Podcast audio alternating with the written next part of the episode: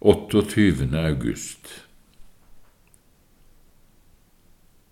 Skriftstedet er Kolossebrevet, det tredje kapittel og det attende vers, som lyder slik. Dere hustruer, underordne dere under deres egne menn, slik det sømmer seg i Herren. Rosenius sier Grunnlaget for alle hustruens plikter overfor sin mann finner vi i Skriftens ord.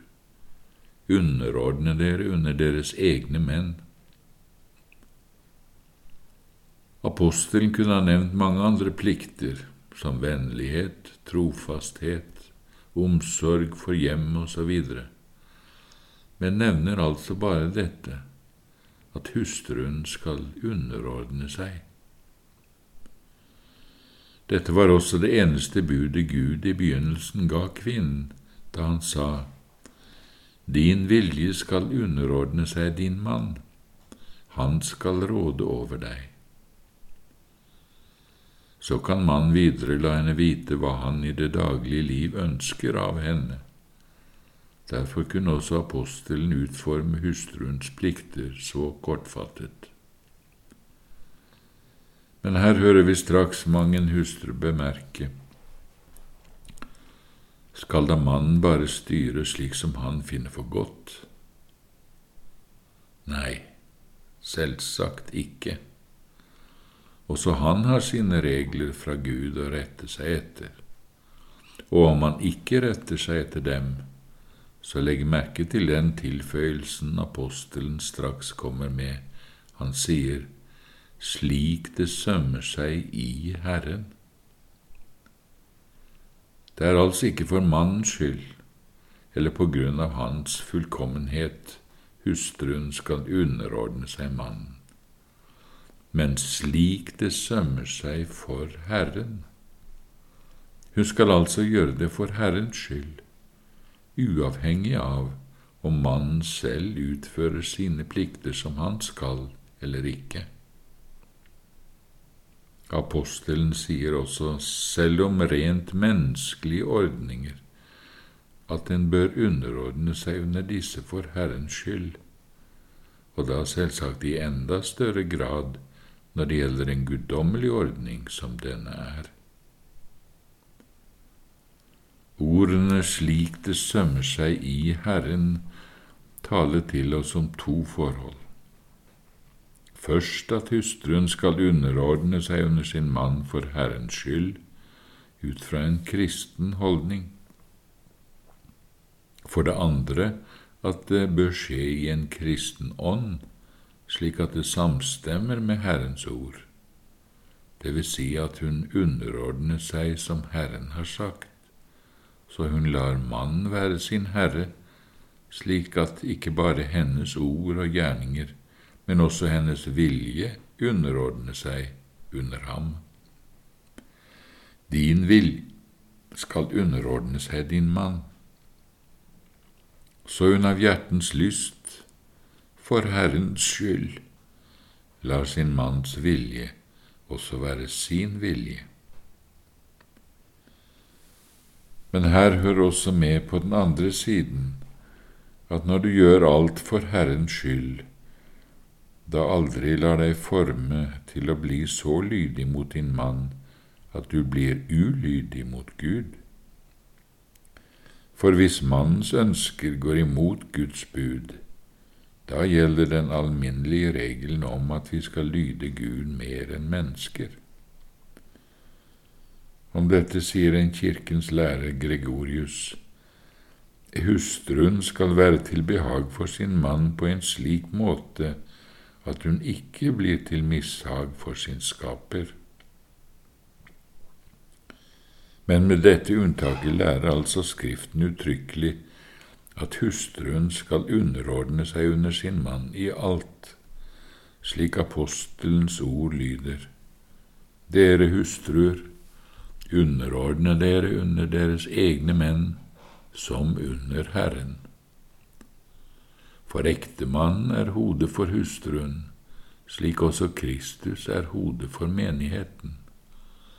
Slik menigheten underordner seg Kristus, slik skal derfor hustruene underordne seg sine egne menn i alle ting. Dette er jo dype og himmelske grunner for slike formaninger. Kristus er hodet for menigheten, og menigheten, hans brud, lammets hustru, underordner seg ham. På samme måte er mannen hodet for hustruen. Det er Gud som har ordnet det slik. Derfor bør også hustruen underordne seg mannen. Det samme sier også Peter.